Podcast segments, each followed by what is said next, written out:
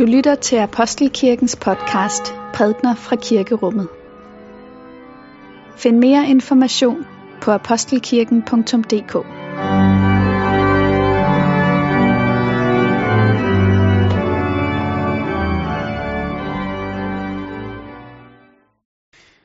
Velkommen alle sammen indenfor her i Apostelkirken på denne dag, julesøndag.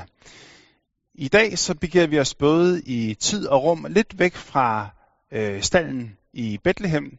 Cirka 40 dages tid bagefter skal vi høre om, hvordan at Josef og Maria har begivet sig til Jerusalem og øh, møder op i templet for at ofre. Og der møder de to personer, to ældre personer. Lad os takke for Guds ord. For Guds ord i skriften, for Guds ord i blandt os, for Guds ord inde i os, takker vi dig Gud. Og vi læser i dag, som sagt, fra Lukas kapitel 2, vers 25 til 40. I Jerusalem var der en mand ved navn Simeon.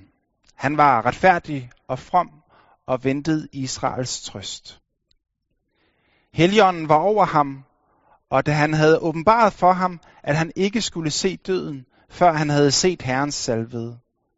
Tilskyndet af ånden kom han til templet, og da forældrene kom ind med barnet Jesus for at gøre med ham, som det var sædvane efter loven, tog han barnet i sine arme og lovpriste Gud.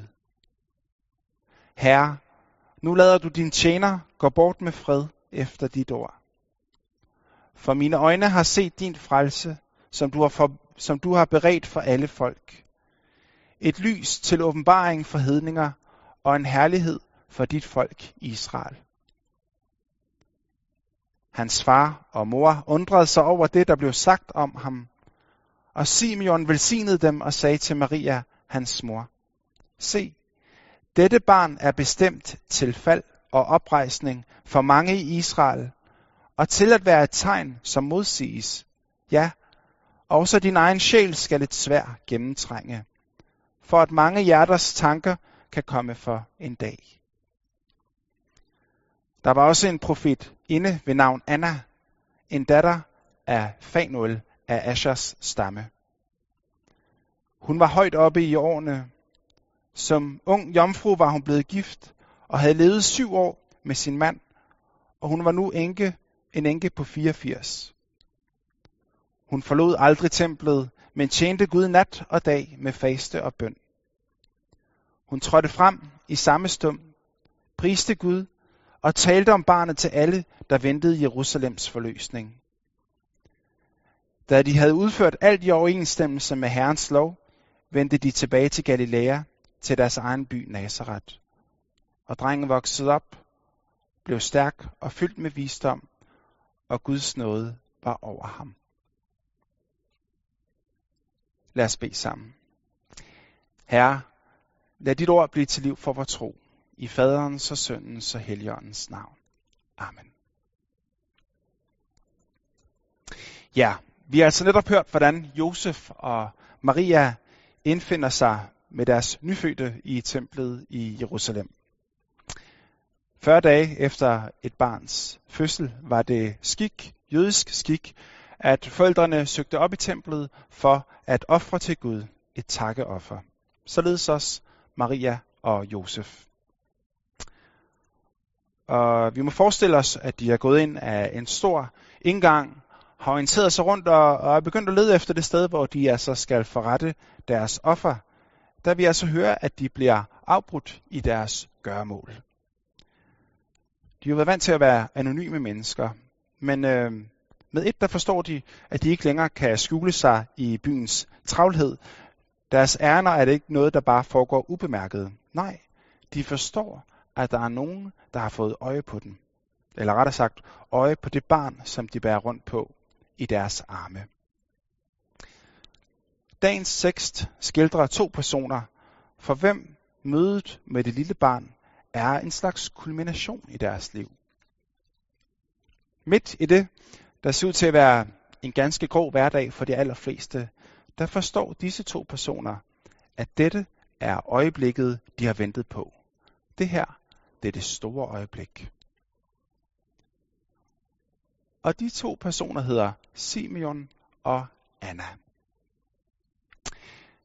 Denne søndag, julesøndag, som den hedder, er også indimellem blevet kaldt for de gamles søndag. Og navnet for denne søndag refererer selvfølgelig til de her to skikkelser. Anna var 84 år, læser vi, og så var hun enke. Og den her lille opmærksomhed, der er omkring både hendes alder og hendes civilstatus, er jo med til at afsløre, at det er som om, at hendes livs storhedstid er ved at være forbi. Hun er um, forbi den tid, hvor hun kan erobre verden, forbi den tid, hvor at hun kan realisere hendes drømme og længsler. Hun er i stedet for i livets efterår. Og livets efterår for hende, ja, der går ud på at øh, opholde sig i korridorerne i templet. Den anden person, det er Simeon, og hans alder står ikke angivet noget sted.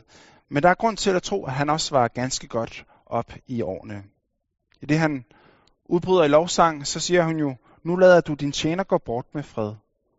Altså, med disse ord, der fornemmer man, at Simeon, han er klar til, at hans dage er ved at få en ende. Hans tid er snart ved at være forbi. Hyrderne på marken, de fik bud fra engleskarne op i himlen. Vismændene, ja, de blev ledt af en ledestjerne.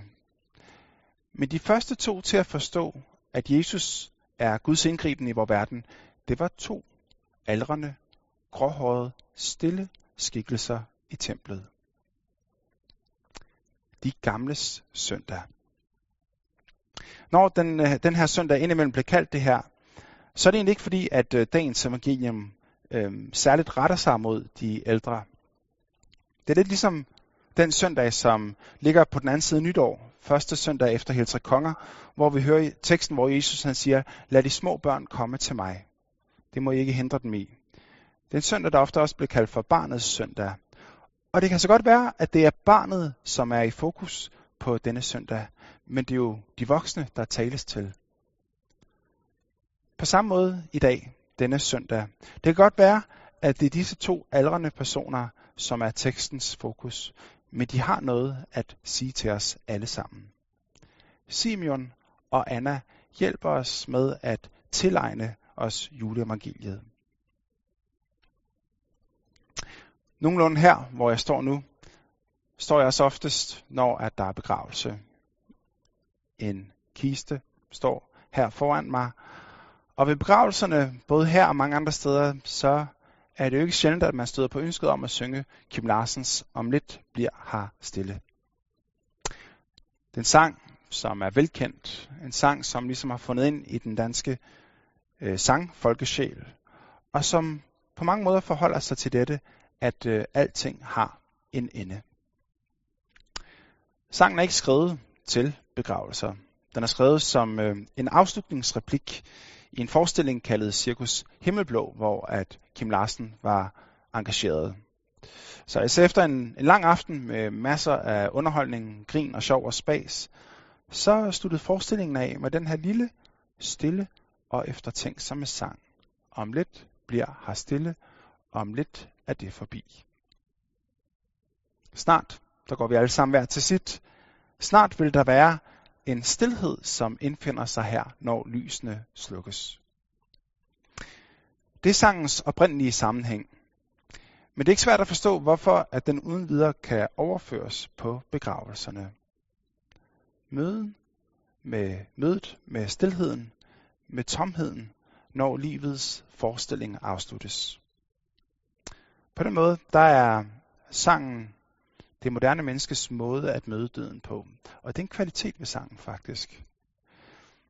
Det er også øh, en sang, som egentlig beder os gøre en form for status over dette menneskeliv. Det formuleres, formulerer jo, formuleres jo direkte i form af et spørgsmål. Fik du set det, du ville? Og på en måde så er det jo ganske naturligt, at man prøver at gøre en slags sammenfatning oven på et langt liv. Hvad bød livet på af sejre og nederlag? Hvad fik mennesket ud af den tid, som nu var blevet givet vedkommende? Og så samtidig, så må jeg også indrømme, at det at øh, slut evaluere et menneskes liv på denne måde, hvad enten det er en anden eller det er ens selv, den her tanke om, noget du egentlig det, du ville, blev din drømme virkelig gjort? Ja, det er, det føles som en mangelfuld måde at forstå menneskelivet på. Inden da, indimellem kan det også være ganske ubarmhjertigt. For der er vi på en måde kun summen af vores præstationer. Der er vi kun, hvad vi formår at erobre her i livet. Der er vi kun det navn, som vi formår at skabe os iblandt vores omgivelser.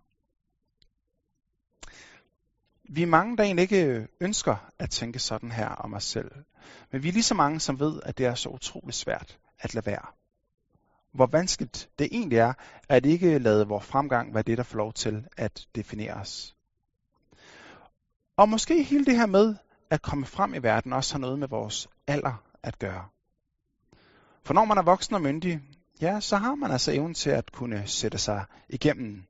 Man er stærk, man er fedt, både sådan rent kropsligt, mm, kroppen er veludviklet, eller økonomisk, man får flere penge mellem fingrene, end man er vant til, eller socialt.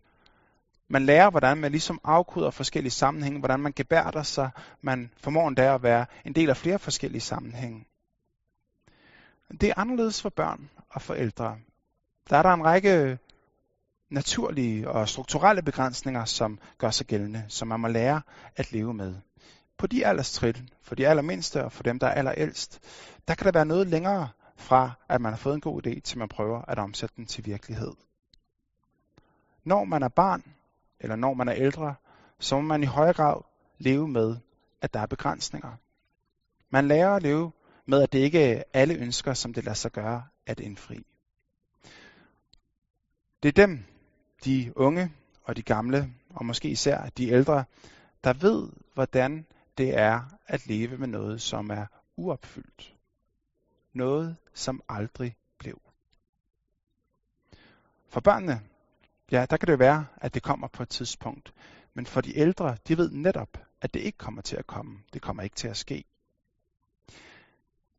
At være gammel, det er at kunne kigge tilbage på et liv, som forhåbentlig rummer en del glæder, men sikkert også rummer erfaringer af skuffede forventninger, eller af forhåbninger som bræst, eller at ønsker, som aldrig lod sig virkelig gøre. At leve med det uopfyldte, det er et vilkår. Og nogen må endda sande, at livet byder på rigtig mange nederlag. Dagens store budskab er, at Jesus barnet rækkes til os alle, til glæde, til oprejsning, også til dem, der lever med smerten over de ting, som aldrig blev sådan, som de var tiltænkt at være. Den gamle profet Anna, hun var som sagt enke. Der er også grund til at tro, at hun var barnløs. Og der har hun stået en gang for mange år siden, og udsigten til hendes liv så ganske, ganske god ud. Sådan som hun håbede, at det skulle se ud.